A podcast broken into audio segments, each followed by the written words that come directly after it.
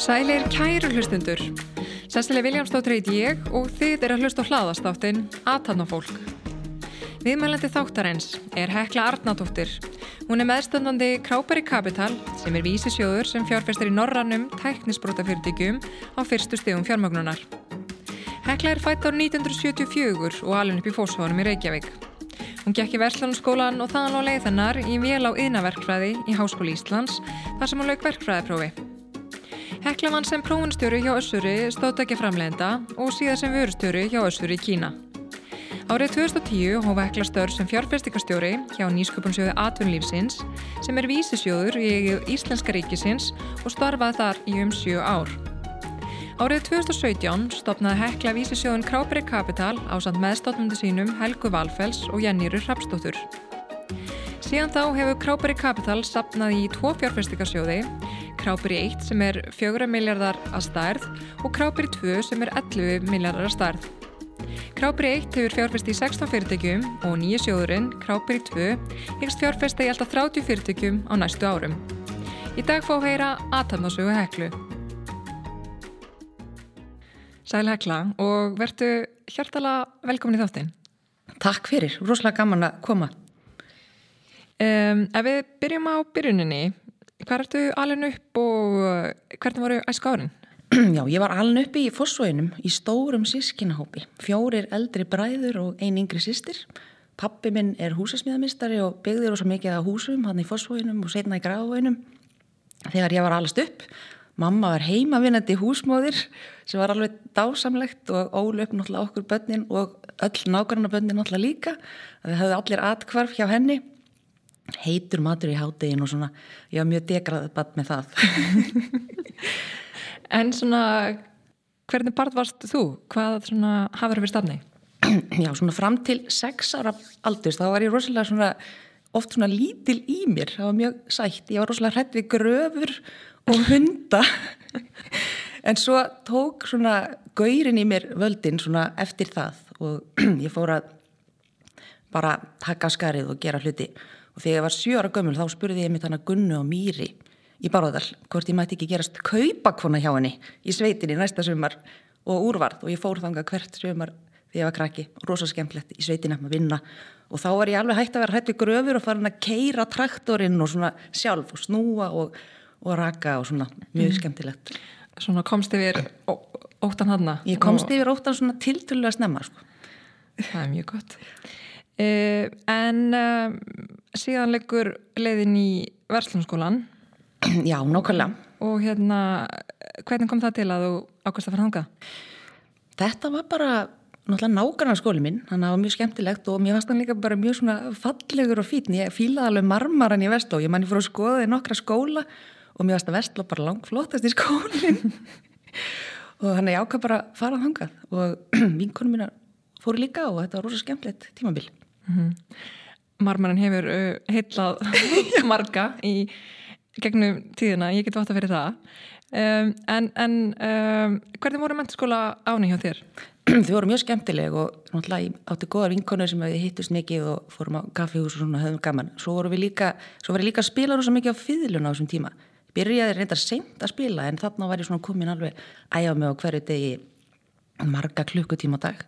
Og rosa skemmtilegt, voru að spila í sínfóljóðist æskunar og sinfoníur oh. alveg rosa skemmtilegt Söstakovits mm. og Maler og svona þannig að það var áskorun og skemmtilegt mm. Heldur að, að svona tónlistanám í rauninni hjálpi til eh, veist eins og við að læra aðra hluti og jæfnvel við, við aga? Já, veist, ég heldur það að gert mjög mikið fyrir mig svona námslega séð að því að ég svona byrjaði þarna seint og svona ég fann að þetta svona opnaði eitthvað fyrir mér í hausnum sko, ég var bara betur og betur námsmaður eftir því sem að árin liðu sko mm, Akkurat. En, en eftir versló þá hérna ákvar að fara í einar og vélaverkfræði í hérna, Háskóla Íslands. Hvað kom til að þú ákvæmst að fara í verkfræði? Já þetta var nú ekki alveg einföld ákvörðin, ég var reyndar Fyðurland tókaði svakalega mikið á í mig og ég ákvaði að taka þarna eitt ár og fara til Þýskalands og vera au pair. Og mér fannst það alveg rosalega skemmtilega tímabil og það var einn aðlað mér langaði til að spila fiðluna meira sko og spila þarna eitt vetur þar hjá frábærum kennara. Og síðan kom ég heim og þá var ég svona spá ég að fara í jarðfræði og livjafræði en rauninni svona langaði mig eiginlega meira í verkfræðina.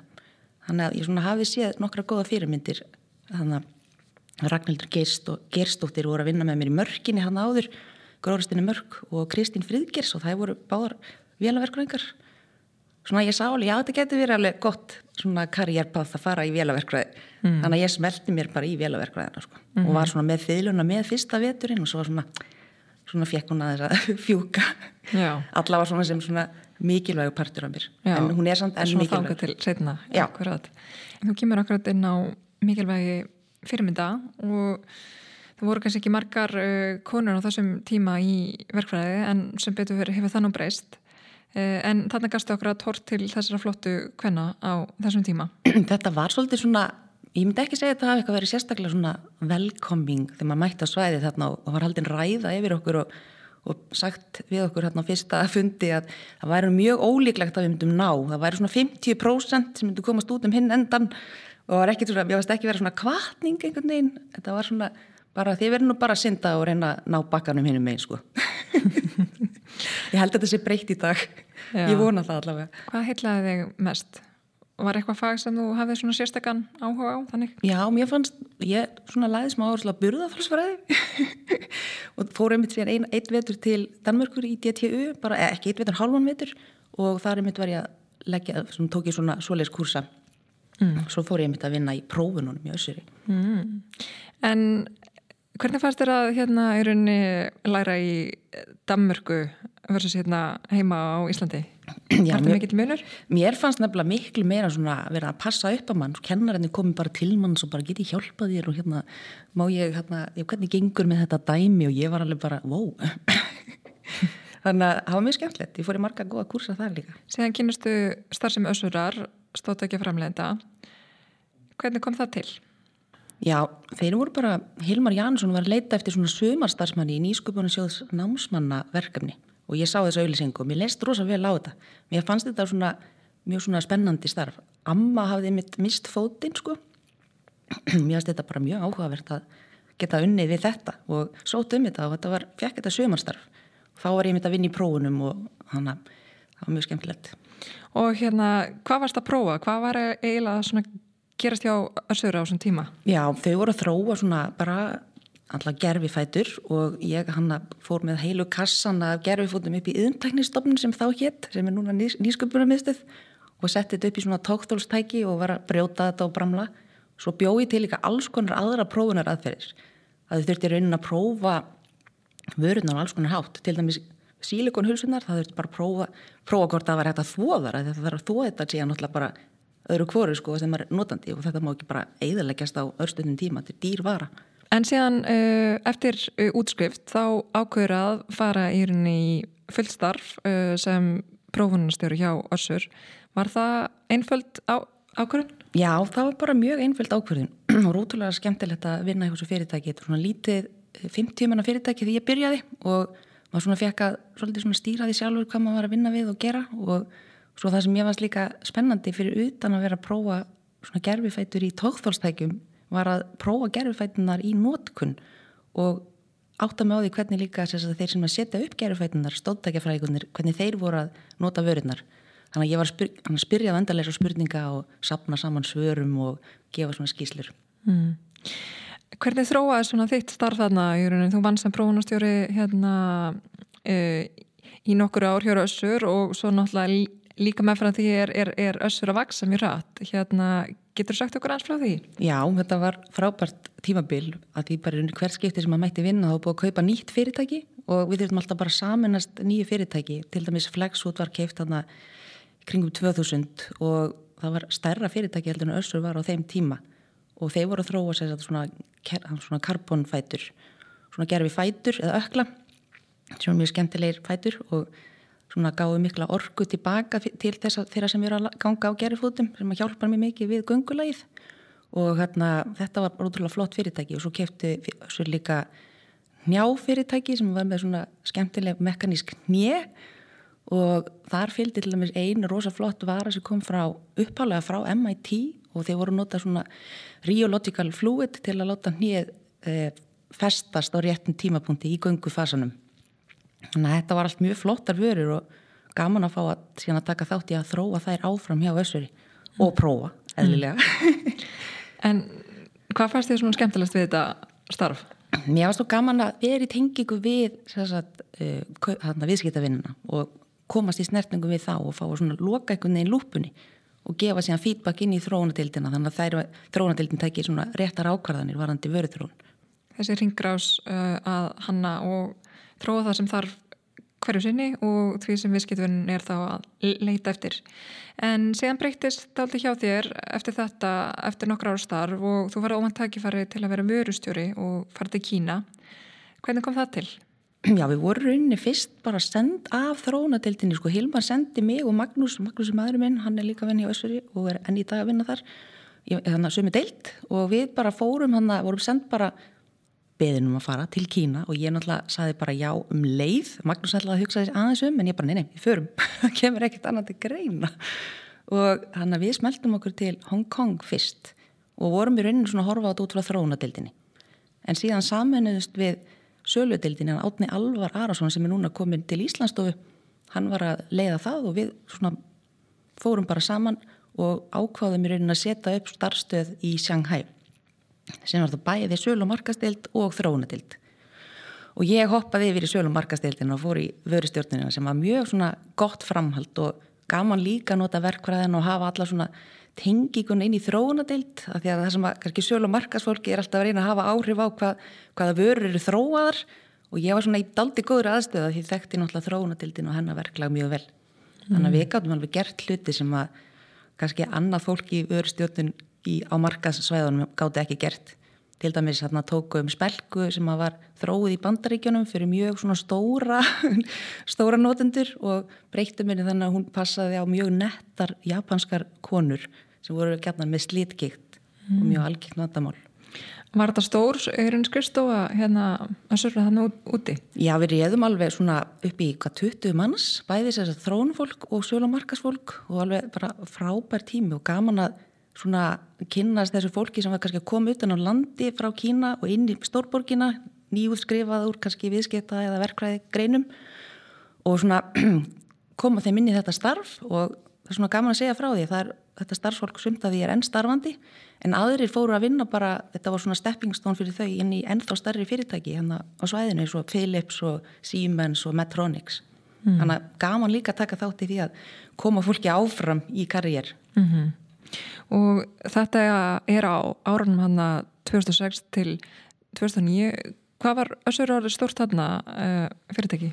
Það hefur verið svona 300-350 mm, miljónir í veldu eða eitthvað svo leis á þessum tíma mm, Akkurat Búið að vaksa úr 10 miljónum frá því að ég byrjaði þetta var góðu tími sko Já, það hefur verið gaman að fylgjast með þessu Já. En uh, hvernig voru árin hjá ykkur þarna í Shanghai? Þetta var mjög skemmtilegt, við fórum með strákan okkar þeir voru þryggja og fimm ára og hérna, þeir heldur að það væri bara að fara í eitthvað rosa spennandi ferðalag svo föttu þeir að vera komnir sko, til Kína. Þeir fengu ekki að hitta neitt í langan tíma sko, af fjölskyldinni en þetta var rosa skemmtilegt fyrir okkur öll. Það var góðu tími sko.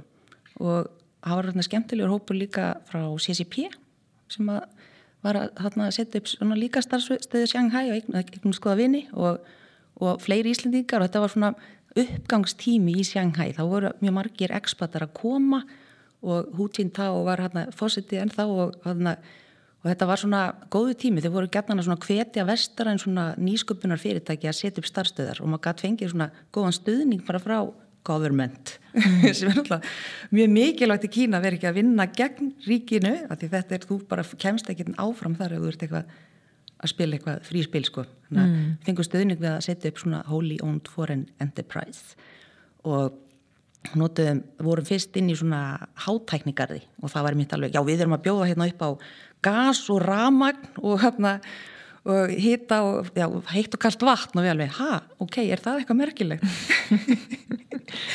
Svona aðeins önnur viðmið Já, við veit. Svo varum bara rosa flott fyrirtæki á það í sama hátæknigarði og maður svona bara sá að þetta var mikið fjör mm. En hvernig tókstu ykkur að aðlagast hérna kýmerskri menningu? Við bara, mér finnst bara margt mjög skemmtilegt við kíneska menningu og svona, maður reyndir náttúrulega bara að mæta þarna og vera svolítið svona opinskár og vera ekki eitthvað að setja út á að gaggarinn við hlutina, það er náttúrulega margt sem er öðruvísi en við erum eigum vön, eigum að venjast og til dæmis finnst mér svona fjölskyldugildin vera rosalega svipið okkar fjölskyldugildum, það er hugsað rosalega vel um börnin og hugsað vel um eldrafólki og fóreldrana og við til sem að fóra að heimsækja spítala og þá sá maður kannski svona gamla konu og þá var alveg svona öll, allir með henni, sko haldi hendin á henni hún var að fara til læknis. Það var svona, mér að stetta mjög fallegt við kíneska menningu. Og maður verður samt svolítið þreytur kannski stundum á, á menningunum mjög ólík, bakgrunin er alveg við, við eigum ekki svona sameila referensa allavega á þeim tíma, það er nú örgulega verða miklu meirum það núna sko af því heimurinn er að tengjast svo mikið, en þá svona maður fann það alveg stundum um að fara í eitthvað partí með, með vinnufólki eða samstagsfólkinu, að maður svona einhvern veginn, hafði ekki alveg sama húmórin einhvern veginn og það var svona ólík menning sko. Mm -hmm. en við eignumst alveg frábæra vinni og sérstaklega kona sem var að hjálpa okkur á heimilinu hjá okkur, maður náttúrulega vorum að vinna bæður og svo mikið, hún er alveg algjör perla sko, við tölum ennþá saman. Hitt hann einmitt um daginn bara ég hérna ringdi í hann bara einn morgun eins og fatt að ég bara, herri við vorum enn í rúminu. Hún er alveg algjör snillíkur sjá tá, míkun okkar. Já, smá svona tímamunur. En, en eins og þegar koma í viðskiptilefinu eða í viðskipta háttum hérna fannst þér að vera mikill munur? E, þetta var, við vorum með mjög fyndin dreifið aðalega þarna sem að gerðist undir hlutinu bara eins og honum hendaði og hérna var svolítið erfitt að hafa stjórn á honum og maður svona, þú veist, einu alltaf hafa bara sjálfur sitt eigi tungumól og maður kannski hefur það ekki alveg og þannig að maður næri ekki alveg að fylgjast með öllu. Þannig að það gæti verið svolítið fyndið í kringum það sko en, en svo vorum við náttúrulega líka bara að stiðja við sérstaklega aðra markaði eins og Japan og Suðukóru og Ástralíu. Og mjög sterkir markaðir í Kína þannig að ég vann rosa mikið með dreifaðalum líka á því svæði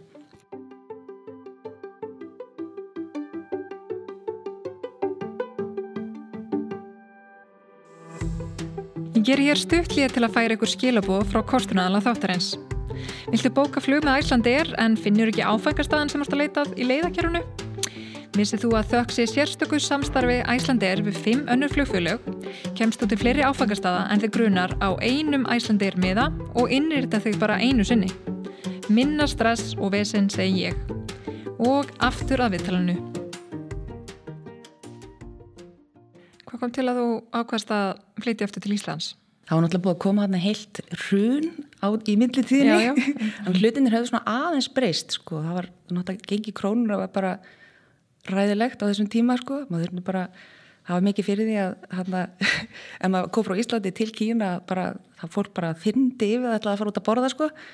en hana, þetta var úrsa bara já við bara, þetta var bara orðin fyrir tími sko, þetta var búið að vera mjög góð, góð þrjú og hálft ár og bara komið tími til að fara heim aftur og ég reyndar egnaði stóttu mína þarna út í Sjanghæ þannig að það var rosa gott að þarna bara fara heim með hana líka sko áttamána hitta fjölskyldina og svona Já, svona mjög þægilegt Já. En hvað, hvað ákveður að gera næst Já. eftir að koma til Íslands? Síðan bara kem ég hérna heim og ég er svona byrjaðans að vinna aftur bara hjá össuri í þrónatildinni og ég svona mm, ég, bara held ég takið mér bara smá frí. Fóð bara í eitt vetur og bara var svona heima hafað hugulegt með ástundóttu minni. Og síðan náttúrulega stoppaði ég ekki lengi yfir þar, ég kemur alltaf einhver svona skemmtileg verkefni í mitt fórum að stýri það þarna var að vinna með hópi sem var að skipulegja þjóðfundu mentamál sem var svona framhaldað hínum stóra þjóðfundinum. Og vorum að skoða mentamálinn vel og það var rosa skemmtilega fundur og byrjaði að kenna krökkum svona í lækjaskóla settum við svona legolík, först legolík hóp þar og veist, ég finn mér alltaf einhver, einhver verkefni, það er ómikið tími sko.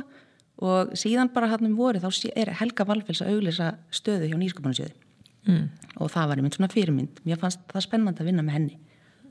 Akkurat. ég sá það að hún var svona að fara að gera eitthvað nýtt. Og hún var að leita að fólki sko í tæknumentuð fólki eða með viðskita bakgrunn, hún var ekki endla að leita einhverjum svona fjármála fólki Akkurat og hérna nýsköpunarsjöður aðlýsins er akkurat uh, vísis uh, sjóður, það er vist íslenska orðið, það er hérna fjárfæstikasjóður sem fjárfæstir í, í sprótafriðigjum á hérna fyrstu stegum uh, en samt með hérna stöðningi frá ríkinu. Já, ekki satt. Það var raunin ríkið sem átti frumkað að setja þennan sjóð á laginnar.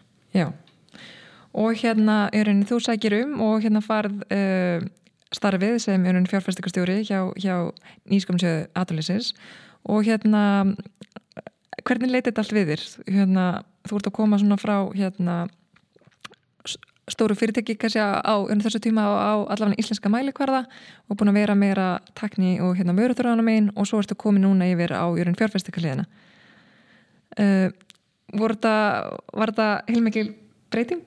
Já, þetta var náttúrulega heilmikið breyting. Maður svona, þegar maður er komin að fjárfæsta í fyrirtæki þá er maður svona að horfa svolítið á stóru myndina og það er ótrúlega bara gott að gera það og reynda gott líka, ég er ofta að hvetja mitt fólk sem er að vinna hjá litlum fyrirtækjum að horfa líka stundum á stóru myndinu þó að það sé ekki í stóru myndinu kannski alveg dagstælega, bara maður þurfa að skilji hvaða samingi maður er að vinna og það er heldur svolítið gott við, við þetta starf. Og þannig að maður svona, já,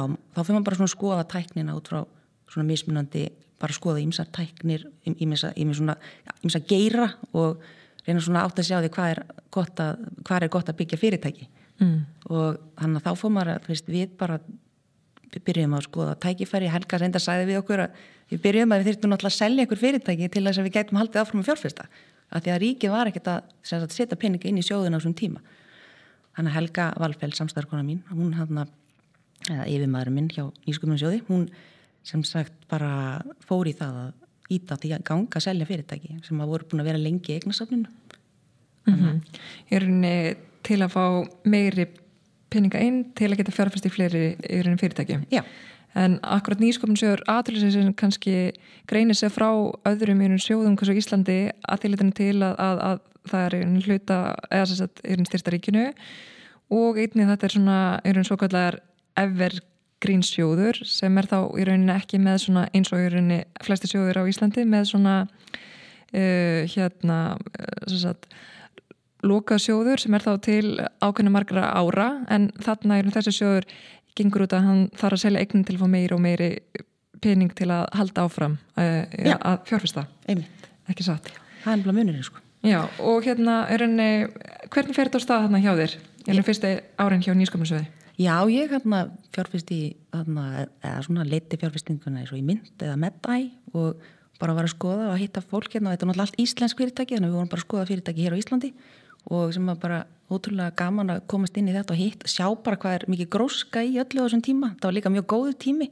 Það voru svo margir sem að ákvaðu náttúrulega að gera spennandi hluti. Eftir hrunið þá vildi allir breyta heiminum og gera góða hluti og byggja upp eitthvað gott í samfélaginu eitthvað sem að einhver verðmæti, eitthvað sem skilar fólki og svona sína metna líka að búa til einhver verðmæti en ekki bara vera að færa, flýta til einhvern í peninga fram og tilbaka Akkurat. Hvað er svona, eh, svona heilaði þig svona mest persónulega við þetta? Já, mér veist bara útrúlega skemmtilegt að uh, vinna með svona fólki sem er mjög veist, hugmyndaríkt og er að bara láta drauman að rætast og fá að taka þátt í því með þeim sko. þannig að og gefa í rauninu þeim byrjundir bóða vengi til að geta gert það. En á þessum tíma og núna með Kráperi Kapital hvað horfið mest á þegar þið er að meta fjárfæstingakosti?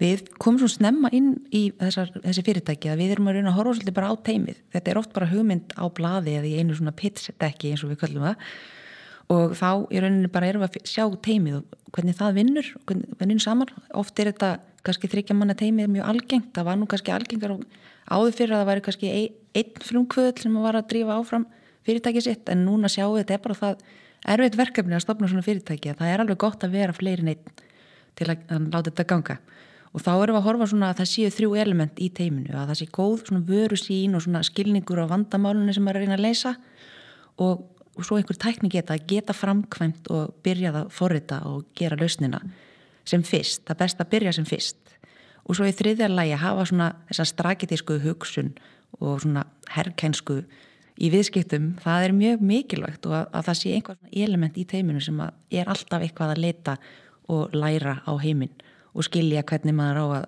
nálgast þennan viðskiptavinn eða þennan fjárfesti og, og líka bara fá fólk með sér. Þetta er svona ákveð, ákveðin hæfileiki. Mm, Akkurat. Og raun, þetta er svona smá raun, það sem er leitist eftir bara þegar kemur á svona personu enginu kannski fólksins sem er að rauninni, þið eru að fjárfesta í. Já, algjörlega, svo náttúrulega viljum við þetta bara líka fjárfesta bara í góðu fólki og skemmtilegu fólki sko. þannig að bara fólk sem hefur einhver fallið markmið, markmið í lífinu mm -hmm þess, það sjálfsögur skiptir miklu máli uh, en hérna getur það sagt okkur uh, hvað eða gerir fjárfæstikastjóri?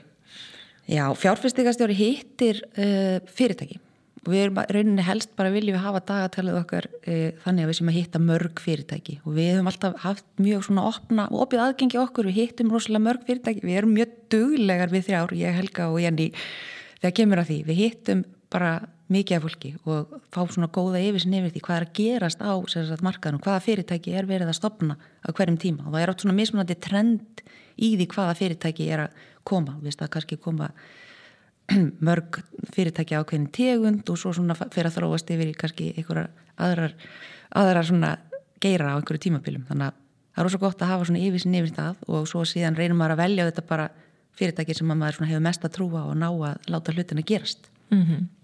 við ræðum rosa mikið líka sem fjárfestika stjóri eða sem partner hjá nýsköpunum hjá svona króperi kapitala þá erum við mikið að ræða bara um teimin sökk okkur onni þennan geira og reyna að skilja samgefnisumhverfið hvað er að gerast út í heimi. Ef þetta eru íslensk fyrirtæki þá erum við að skoða er, ekki, er nokkuð komnir einhverjar stað, annar staðar sem eru búin að fá mikið fjármagn? Og svo erum við að tala við fólk reyna átt okkur á teiminu og gerum svona referensstjekk og næstu eins og atvinni viðtal og reynum bara svona að fá sem mestar upplýsingar um fyrirtækið. Og meðan þessi fyrirtækir í gangi að þá þá nær maður svona að kynast teiminu það, hefur það áhuga á að gefa þér ykkur upplýsingar og vinna með þér, er gott að fá upplýsingarnar og og þau kynast okkur á móti, erum við að spyrja einhverja góðra spurninga eða erum við bara þæfa máli og verum eitthvað vesen? Ára við komum að stopnum krápar í þá er stórpartur að hlutverki fjárfæsta sjóði að taka ákvörnum hverju eigi að fjárfæsta í. En svo eftir nokkur ár þá þarf að byrja að selja eignir og gera upp sjóðin Hvað lærður þau mest að því hérna, frá nýsköpunarsjóði aðlýsins þegar koma því að hérna, selja fyrirtæki? Já, það er líka, sko stundum er bara gott að, veist, ef að fyrirtækið er kannski ekki að vaksa eins rætt eins og maður hefði óskað eða, eða eitthvað í umkörnu að komið vekk fyrir það, að þá er bara gott líka að hugsa stundum bara, væri kannski hægt að selja þetta fyrirtæki og eða kannski ef að svona maður finnur að maður á ekki sameiglega svona sammeilegt svona, sammeila sín með frumkvöðunum, þá getur stundu verið gott bara að sjóðurinn selja sér úr og leiði þá bara frumkvöðunum að halda áfram á þeirri vekkferð sem þeir eru. Þannig að það voru nokkur þannig exit. Svo voru líka bara stór fyrirtæki sem vildi kaupa fyrirtækin. Og það er náttúrulega svona flottistu exitin og svo erum við þetta býða eftir því að ná að vera með IPO að eitthvað fyrirtæki okkar komist á markað. Það verður mjög spennandi að ná því. En það er mjög algengt að það séu stór fyrirtæki sem kaupi þessi litlu fyrirtæki alveg svo össur var að gera þegar þú voru að kaupa upp önnur fyrirtæki á sínum tíma. En síðan árið uh, 2017 þá uh, hættir þú og Helga Valfells og Janni hjá uh, nýskapusjöðu Aturlinsis og ákveðið að, að hérna, stopna eitthvað eigin sjóð, nýjan sjóð, þá eru henni Krápir í eitt sem var uh, fjögra miljardar krónus sjóður sem fjárfyrstar akkur í hérna, sportafyrirtækjum á fyrstu stegum. Um, hver var eiginlega ástæðan fyrir að ákveða að taka stökkið?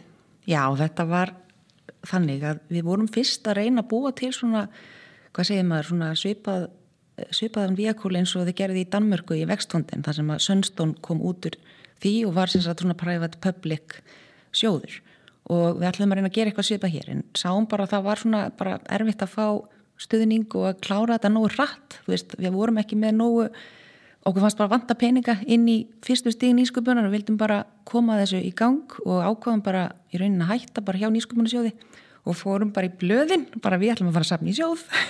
Við vorum með þetta búin að kanna, kanna svolítið umhverfið og vissum að við hefðum alveg meðbyr í þetta verkefni. En einhver síðu var þetta alveg kjarkað að fara að segja bara hérna hætta í starfinu og bara við ætlum að gera þetta. Og það var frábært, við fengum með mjög góðan stöðning frá honum Fríðrikistinni Kristjánsinni, hann sagði bara strax já, ég mun fjárfæst í ykkur og hérna það var rosalega gott fyrir okkur á þessum tíma síðan kom annar lífeyrisjóður sem var sæði líka til til að fljótt já og þá svona fór bara boltin að rúla og við náðum að loka þessu bara á um sumari þarna á þess að eftir halvt ár búin að vera þeysast um bæin að reyna að sapna þessum peningum mm. og, og hérna hvernig gekk þetta fyrir sig? Hvernig sapnaði maður í nýjan fjárfæstikasjóð? Maður bara bóðarfundi og hitti fólk og alveg svo þeir sem er að tala við okkur til að fá peningin í nýsköpunarfyrirtæki þá þurfum við bara vera þjónustu lindaður og gefa fólki góð svör og við vorum byggur til endalusar skýslur um umhverfið og að þetta væri áhugaverður fjárfestinga kostur fyrir lífyrirsjóði og sannfaraðum þau bara um að þetta væri spennandi og við verum gott heimil að reka þennan sjóð. Þið ákveða að fara aðra leið þar sem þið eru ekki einingis að fjárfesta Íslandi heldur líka Norrlandunum.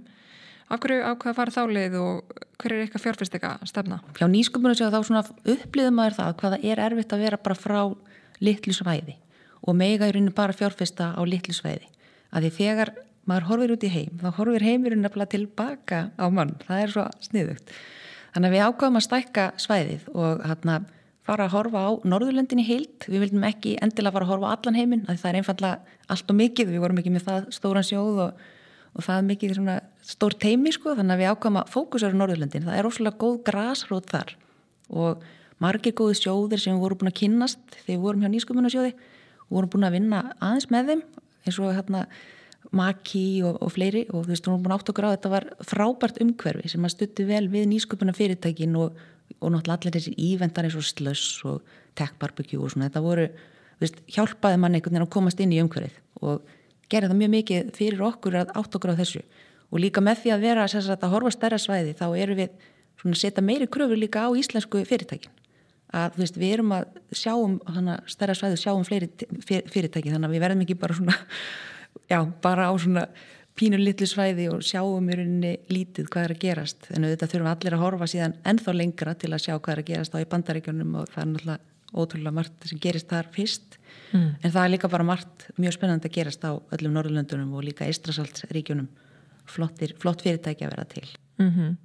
Hefur þessi mikla þróun bara bæði í umgrunnu hérna og hugmyndunum og annað henni á þessu tíu árum sem þú ert svona, er búin að vinna í þessu? Já, þetta er rosa mikil mjög, ég finnst bara teimin vera orðin svo flott og þau kunna leikin sko, þetta er náttúrulega ákveðin leikur sem maður þarf að læra.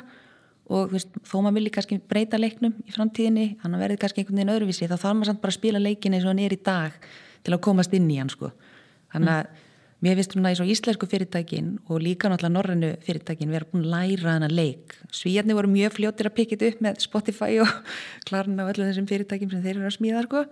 En kannski fyrstir og svo finnanir líka og daninir svona aðeins og eftir og normun og við erum svona alveg að pikið upp náttúrulega mjög rætt og maður finnur það fyrirtækin hérna á fólki þannig að kann alveg á þetta.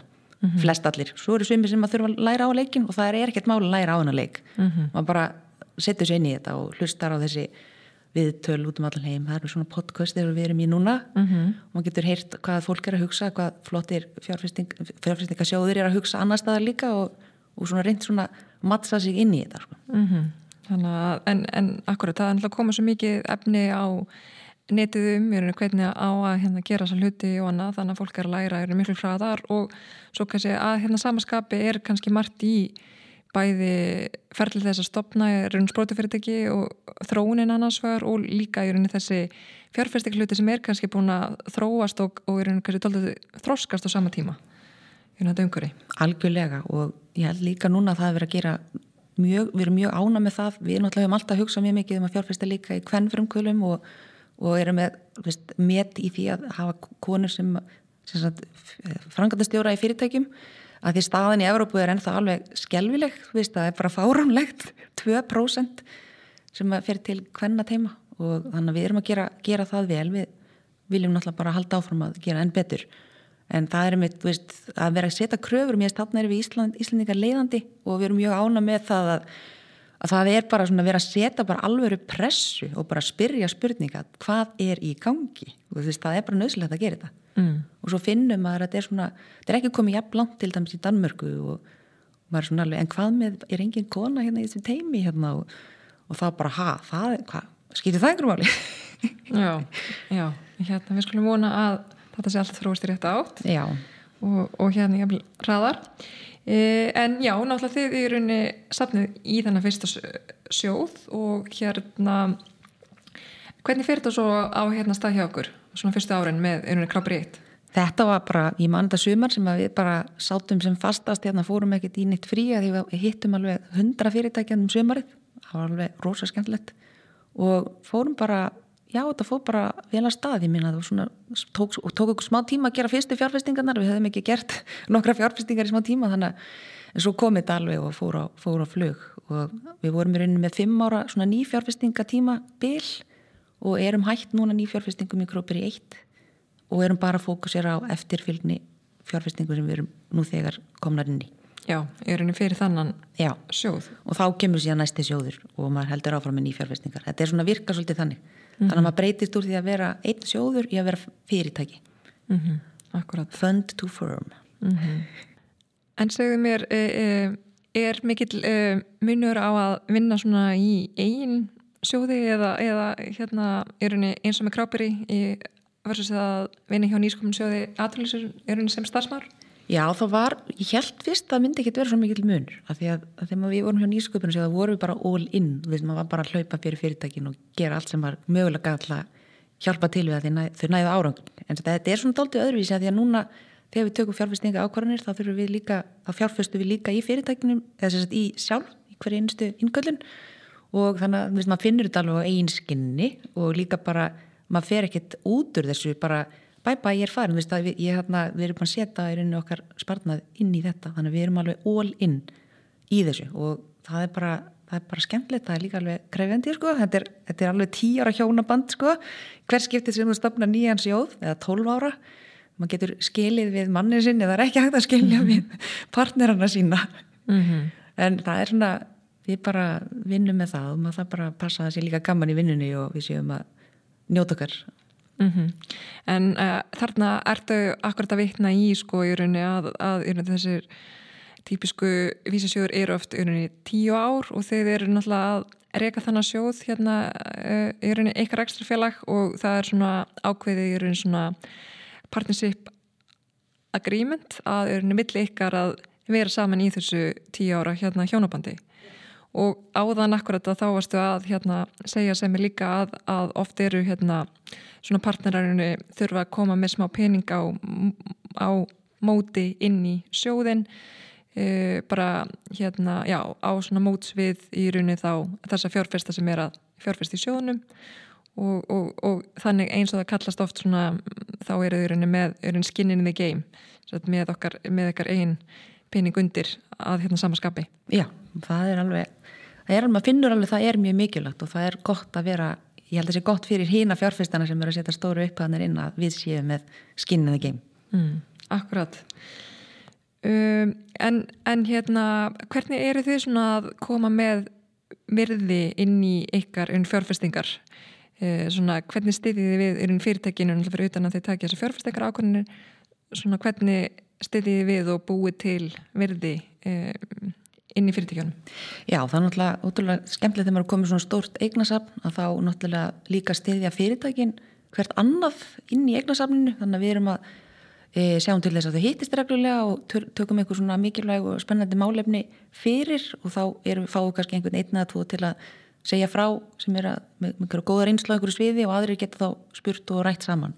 Og svo getur maður kynnt náttúrulega bara fólki millir fyrirtækjana til að tala um einhverja hluti. En við bara höfum alltaf unnið mjög þjætt með fyrirtækjunum. Við sittum gæðan í stjórn eða erum allavega svona, svona observerar í stjórninni til þess að bara vera á reglulegum fundum hvetjum fyrirtækin til að hafa reglulega fundi líka stjórnafundi til þess að bara ræða þessi stóru, stóru mynd nógu reglulega, hlutinir er að breytast hratt, þau eru kannski fjármögnuð í 12 til 18 mánuði með fyrstu fjármögnun. Og þá þarf fljótt að fara að safna næsta og hvernig ætla maður að ná því og þú veist, núna er maður eiginlega farin að hugsa sko, áður um að lokar síðasta randi hvernig maður þarf að líti út til þess að ná næsta randi. Þannig að þetta er mikið svona þannig vinna og svona upplýsingar og maður náttúrulega getur mitað þekkingu frá öðrum fyrirtækjum milli fyrirtækja sem er, getur verið gaglegt fyrir fyrirtækin, þau hafa það aðganga að svona stærra þekkingar púl mm. og svo er þetta bara, þú veist við erum bara rosa hands on sko stundum í svona til dæmis fjármögnunar ferlinu þá eru við bara á slakk með fyrirtækjunum bara á, ertu búin að, getur kynnt þennan fyrir mér núna og, og hvernig gekk það og kom, getur ringt í hann og fengið svar og hvernig gekk að, hvernig hann leist á fyrirtækið okkar og veist, þannig að við getum fengið svona stundum aðra önnur svör frá fjárfæsturum þeir segja kannski bara nei, þetta er á snemt eða eitthvað, svo getur við kannski fengið aðeins meiri upplýsingar mm. af hverju og þá bara erum við öll að læra og þeir fyrirtækin sem við erum að fjárfæsti í og frungulandir eru bara að læra mm -hmm. að því að þú veist til þess að ná að loka næsta randi sko. Mm -hmm. og svo erum við náttúrulega líka bara að vilja við hafa bara að vinna í umræðinu um bara hvaða strækjati og stefna og að taka stóru myndina og svo liðs mm. Akkurat Hjálpa til við að finna fólk og tengja fólk inn í fyrirtækin.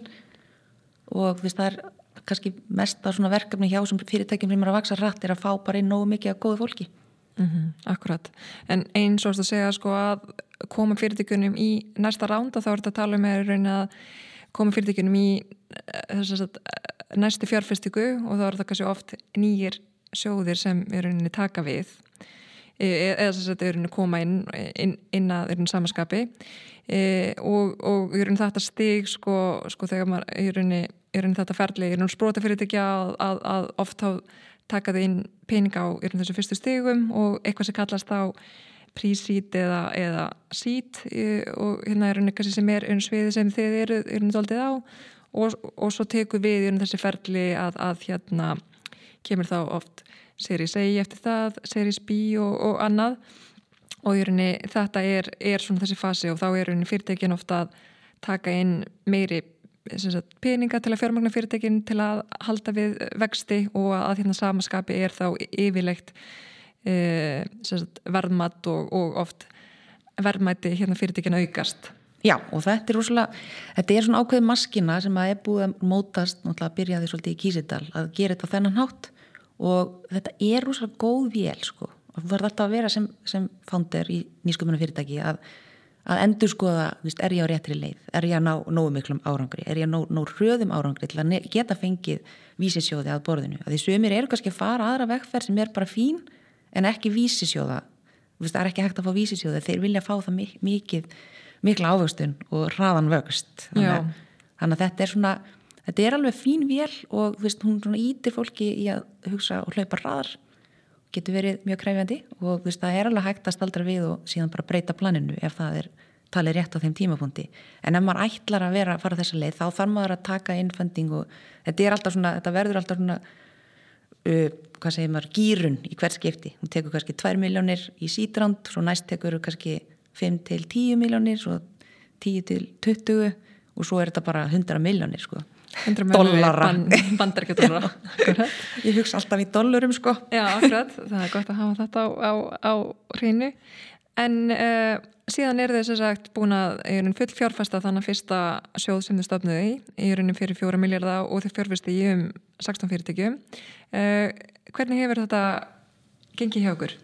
Þetta er bara ótrúlega í rauninni ennþá betur heldur um að það hefði haldið það er, það er rauninni bara eitt fyrirtæki sem er búið að loka og hinn eru bara, veist, það eru þrjú sem eru komið svona lengst með þeim eitt að sapna í A og B rand og svo eru, eru mjög sterk miðjudel líka sem er að bara sapna núna í kannski næsta rand eins og A rand þá hmm. þannig að þetta gengur bara ótrúlega vel og bara sjóðurinn eða verðmati á þessum næstu randum eru bara að sína það að við erum á réttri leið hmm.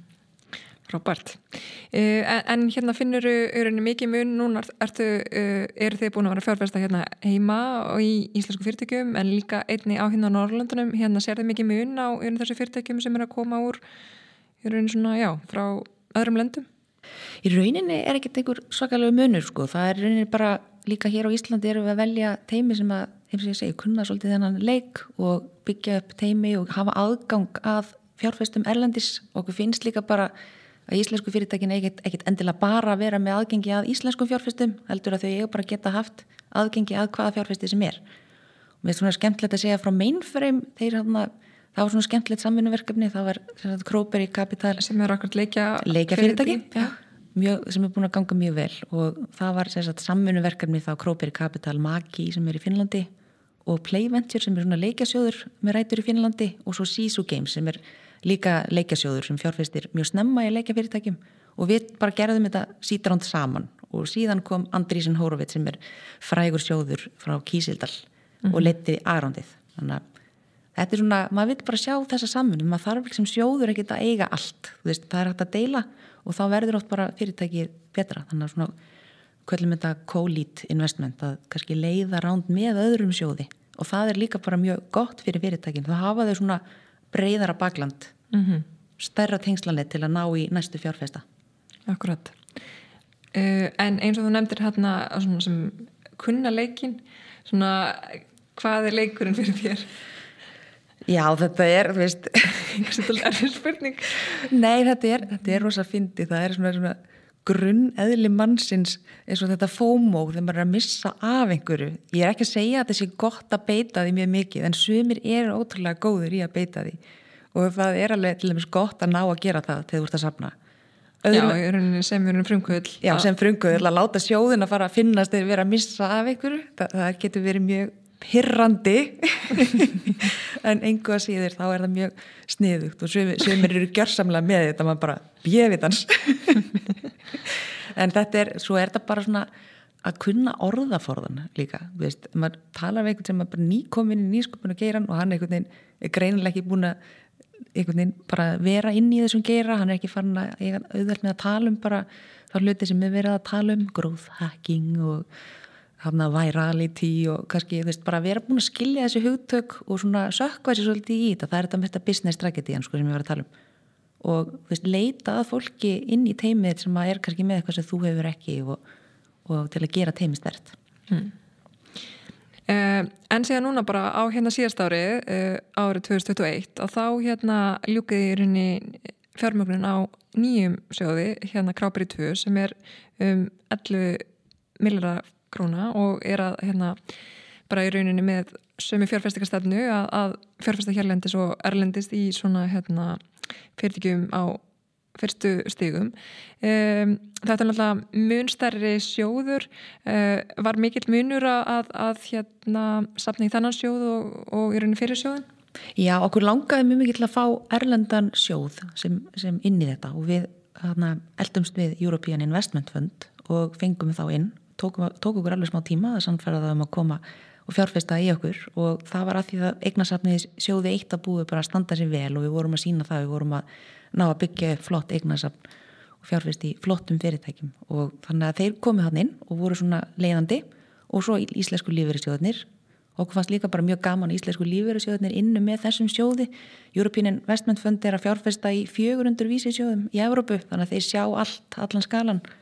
Og hann er að bakkaður upp af Evrópabankanum og Deutsche Bank og fleirum. Og þetta er svona bara mjög svona tröstur aðli og setur mikla kröfur á okkur. Mm. og við höfum alltaf vilja bara komast aðeins lengra, þú veist, ef maður kemur dýbra inn í þetta, þetta sagt, vísi umhverfi í heiminum þá bara, þú veist, fá við meiri stuðning líka. Mm -hmm. og við finnum það, þú veist, við erum búin að fá tengingar gegnum þann sjóð sem allir geta hjálpa okkur við exit á fyrirtækjum sjóði 1 mm -hmm. þannig að þetta er bara ótrúlega mikilvægt að reyna svona koma sér inn í þessa lúpu sko. þetta er ekki bara tilviljun að hlutinni gerist og að náist árangur það er alveg svona maskina á bakvið þetta mm -hmm. og náttúrulega mikið leiður að yfirnum fá þau að borðinu og að samanskapi þá er akkurat krápar í tvö, einn stærsti sjóður eða sagt, einn stærsti vísisjóður á hérna Norrlandunum sem er, er stopnaðar af, af, af konum þannig að þetta hefur verið heilmikið þreikverki hjá okkur. Um, en núna eru þau komin í rauninni með tölvert starri sjóð heldur en í rauninni þeir varum með í byrjun. Er þá í rauninni ykkar í rauninni svona st- strategía eða í rauninni hvernig veljið fyrirtækja annað? Er það búið að breytast mikið hjá okkur? í raunin ekki, við erum bara mjög okkur fannst bara bæði hjá nýsköpunarsjóði og hjá Króperi frábært að vinna á fremstu stigum, eða fyrstu stigum. Það er bara, það er svo spennandi að sjá hvað er að gerast og hvað er að koma, koma nýtt og hérna, og bara fá að taka þátt í því alveg frá upphafi og það er oft svona jafnvel best hefnuðu fjár, fjárfestingarnar þegar maður kemst snemma inn í góð tækifæri sko. Mm, akkurat.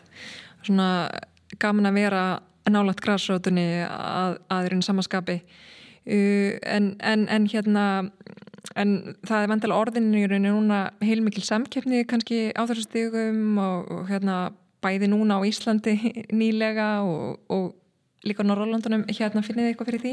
Já, þetta er alveg, þetta er bara algjörlega búið að snúast við í mann í byrjun á nýsköpunarsjóði. Þá svona bara kom fólk til mann sem bara átti fund með fólki sem hafi beðið um fund. En núna er þetta orðið, þetta er unni búin að snúast við. Maður er að leita út, maður er að lí- líta eftir tækifærum og í rauninni er svona allavega bestu fyrirtækin, þau geta í rauninni bara valið sér fjárfesta, þau tala bara við alla og, þegar, og það á að vera þannig og svo velja þau fjárfesta sem þau vilja, finnst gott að vinna með mm.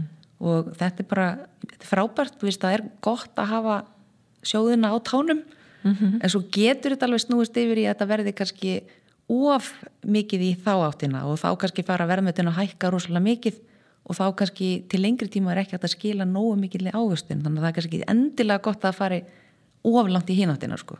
mm -hmm. en nöðsilegt að halda okkur öllum á tánum Já, alveg, og við finnum alveg fyrir því sko. þannig að það er bara spennandi mm. að taka það til því Akkurat, en svona hvað finnst þið vera helstu áskorunar sem þið hafið svona e, átt við hérna á þessarsaturinu með gráberi? Þetta er náttúrulega bara, þú veist, að vera bara persónulega, þú veist, maður þarf að setja sér inn í svo ótrúlega margar atvinnugreinar og maður verður stundum bara svolítið bara stónd á þessu. Maður verður alveg bara sétt, við erum hérna í fjármálatækni, heilbreyðistækni leikjageranum og svo software as a service hugbúnaðar gera og veist, þetta er bara svolítið svona mikið. Þannig að sem maður reynir að gera er svona að finna þráðin á milli sko, sem að tengir öll þessi fyrirtæki, þú veist, til dæmis eru heilbriðistegna fyrirtæki að selja svona SAS-lausnir og þá getur maður lært af öðrum SAS-fyrirtækjum og komið með input inn í þá heilbriðistegna fyrirtækin leikja fyrirtækin náttúrulega fremst í að þróa svona alls konar leikja upp og svona verða að nýta þá þekkingu inn í þá svona digital health og svona þannig einhvern veginn að þetta kannski lærum maður ákveðna hluti sem maður getur nýtt á milli sko. En svona til dæmis að vera inn í öllu sem er að gerast í leikageranum og, og líka í fjár, fjármálateknigeranum það er alveg, það er alveg krefjandi verkefni sko. þannig að verður mm. stundum svolítið þetta verður pínu stundum yfirtyrmandi sko. Já, að svona auðvitað fylgjast með út, út eða þið þurfum alltaf að vera með puttana pólsunum en hvað er að gerast í samikið hlutana Já. að í rauninu vera fylgjast og, og hérna lesa um þessari mismundi þróun í þessari mismundum geirum. Einmitt, ég enda svolítið mikið ákvað heilbreyðistakninni þannig að ég svona, myndi segja, ég hef svolítið miklum tími þar og þar skiptu við hans liði og Helga er í fjár, fjártakninni og Jenny er komin svolítið djúkt inn í líka bara svona hugbúnartaknina mm. softir svona B2B SAS mm -hmm. og svo erum við allar í öllu líka en þú veist, hún læri náttúrulega bara á sama tíma. Akkurat, en náttúrulega síðan hefur líka teimið, þú veist, að hérna samaskapi náttúrulega eins og segja þetta er núna orði meira náttúrulega fyrirtæki heldur en er fyrsti sjóður þannig að rauninni, teimið hefur stækkað og þeir eru þarna að, í rauninni að einhver liti ganga frá fyrir sjóði á hérna samtíma þeir eru rauninni byrja að fjárfesta í hérna nýju fyrirtæki með nýja sjónum Uh, hefur þetta, einu svona breyst hérna mikið frá okkur frá því að, að kannski vera svona ákveðin frumkvælar í því að koma sjónu saman hérna er einu lítið teimi og svo er þeir núna að fara í, í svona meiri vexta fasa kannski sem fyrirtæki? Já, þetta er útrúlega mikilvægt og við erum búin að, við erum komin orðin núna sex manna teimi, við þrjáru og svo þrý aðri starfsmenn. Og þetta er náttúrulega líka alveg áskonum bara að koma ferlinum okkar í góðan farveg, við viljum vera professional, við viljum þannig að velja fyrirtækin á sangjarnanhátt og, og vel og þarna, þannig að við erum að reyna og líka ná sem mestri yfirsýn. Þannig að við sjáum öll fyrirtæki sem er að gera góða hluti og þannig að við erum svolítið svona bara núna að koma þessum ferlum í lag þetta tekur tíma að taka inn nýtt fólk og við erum búin að vera þrjár bara saman hérna. Við erum bara eins og ein manneskja. Og núna erum við svona, einmitt þurfum að hafa svona reportingið almennilegt og, og svolítið, við erum búin líka að ráða eh, einn aðila í kaupanöfn og svo er ég að fara þangað í eina, eina önn til að fara núna í lóksumars, það verður mjög spennandi. Mm -hmm. og já, svo erum við með hérna, data scientist hérna á Íslandi sem á að koma vera þá svona tæknilegri hliðina og svona, það er svo mikið að gagnagrunna sem við getum nýtt okkur líka í svona að hafa yfir sín og eitt sem er svona hjálp okkur að halda utanum allt dílflóið eins og við kallum dílflóið er það er unni flæðið af uh, fyrirtækjum sem koma til okkar og við tölum við mm -hmm. Og hérna finnst ykkur mikilvægt að vera með annan fóti þá út í Danmörku og þar með veist, vera kannski aðeins nær þá fyrirtíkunum í, í, í raun Skandinavíu? Algjörlega, það er rosa gott að, veist, að það er alltaf þetta eina flug sko, en auðvitað erum við duglegar að ferðast og förum bara veist, eftir þörfum og náttúrulega líka mérst að gerast í Finnlandi og við viljum gæna gera líka meir í Nóri að, en það er bara frábært að hafa eitthvað og við finnum bara strax hvað það er mikilvægt sko það er einhver ívend í Malmö, ekkert stór ívend það er þetta bara, hann bara getur farið með lest nýjastar smaðurinn mm. Akkurat. Uh, en getur aðeins líst fyrir okkur svona hvernig eins og þú komst kannski aðeins einu á það, hvernig svona mismyndi vísisjóður hérna starfa saman sko, þegar það koma sagt, þeir í þessu grunnstegum og, og, náttúrulega, veist, og náttúrulega oft þá haldið ekki sér áfram að stiðið við fyrirtekinu komið jafnvel með meiri pening og annað. En, en, en svona hvað gerist þegar svona oft nýja sjóðu koma borðinu og þetta samspil þá þessa vísisjóða á eru mismundu stegum Það er sko, það er mjög gott að það var ekki þannig hjá nýsköpunarsjóði að við værum menn til að taka alltaf svona skipulögur ránt og það var það sem við vildum bara fara í að gera með króperi. Og þetta hjálpar svo mikið einmitt til að bara setja fyrirtækið upp for success að geta fengið einhvern nýjan líka að í hvers skipti að því annars bara verður maður svolítið samdöina og það er raunin þarf að selja einhverju nýjum aðila að koma að fyrirtækinu og þá veit maður að maður er rétti leið. Þannig að kemur alltaf nýr leiðandi sjóður í hverju fjárfestinga í hverju fjárfestinga umferð og þetta er bara mjög gott system og maður þarf að stilla upp kynningu og átta sig á því að, að maður sé að þarna bara hefur eitthvað fram að færa mm -hmm. sem mhm. fyrirtæki, þá er ég að tala um fyrirtækin sjálf og við náttúrulega vökkum þau upp í því og svo kemur hann að nýr aðili og þá fyrir við að vinna með þeim aðila og sá aðili sendur vantarleikunni í stjórn og þannig að það þarf líka bara að vera svona kultúral fitt sko að bara passa saman og já þetta er bara mjög góð svona framsýning á þessu mm -hmm.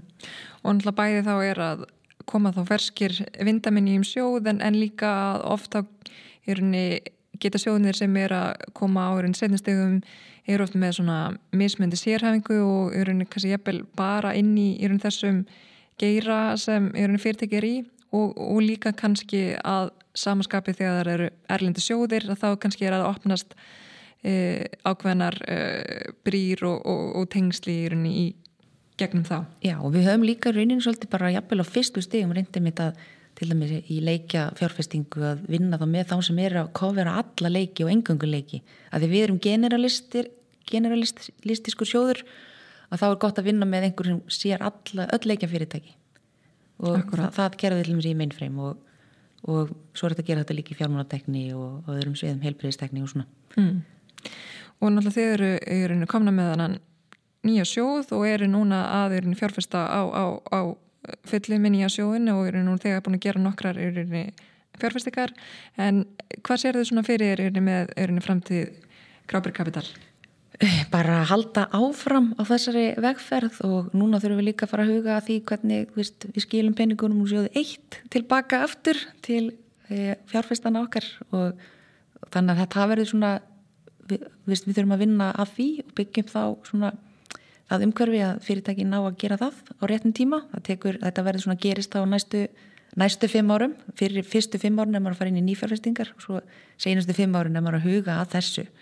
Og þetta er náttúrulega bara líka einn svona ákveðin leikur sem maður þarf að læra á og undibúa vel og setja þessi inn í litina og hvernig passa þessi fyrirtæki inn og, og svona að það verði verði góð leið til að exita, verði ekki bara svona neyðar exit, heldur svona gott exit. Mm -hmm. Og svo er það bara með nýju þess nýja sjóðinni, bara halda áfram að gera góða fjárfestingar, taka sangennar ákvarðanir og, og bara íta þeim fyrirtækjum síðan strax áfram. Það er svo ganga hlutindistundum ótrúlega rætt hjá fyrirtækjum sem eru að ganga best, þá er það, er það að fara ótrúlega rætt þessa vegferð. Það er kannski það sem maður, við lærðum, við fórum í rauninni, þið fórum í raðar bestu fyrirtækin eða sem eru komið lengst og heldur en sérsagt kannski svum.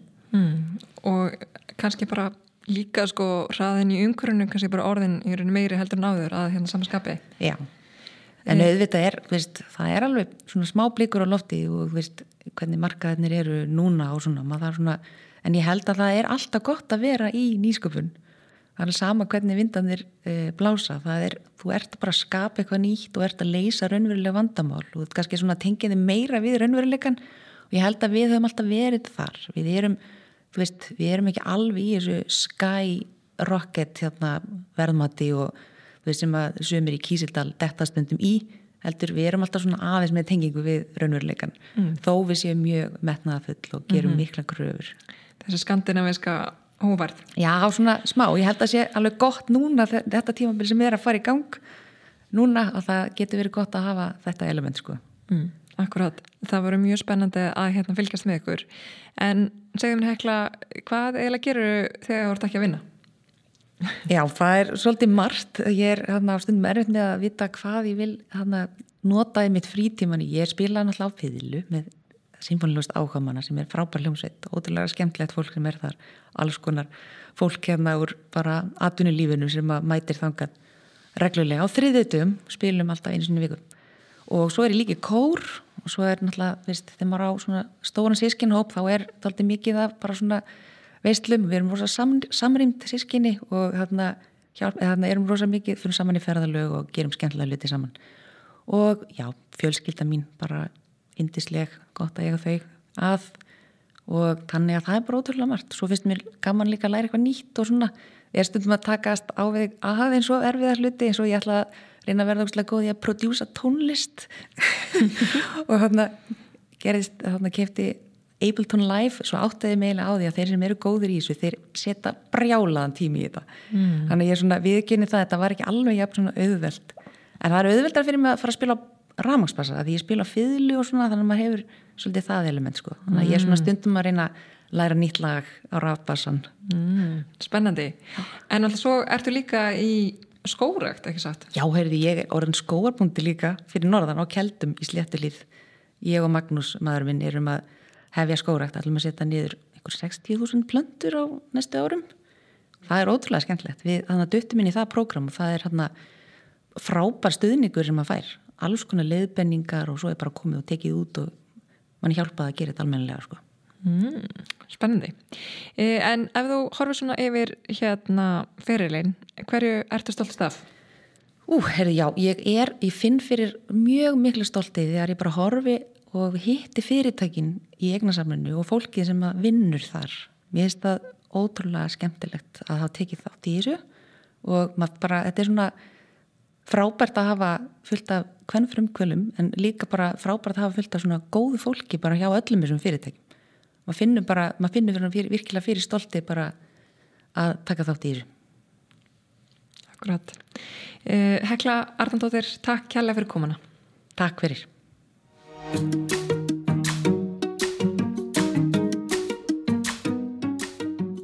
Þú vilt heyra fleiri sugur af aðtapnafólki þá hveti þið til að íta á subscribe-knappin á hlavarspöytunni þinni og fylgja okkur á samfélagsmiðlum. Ekki missa á næsta þætti.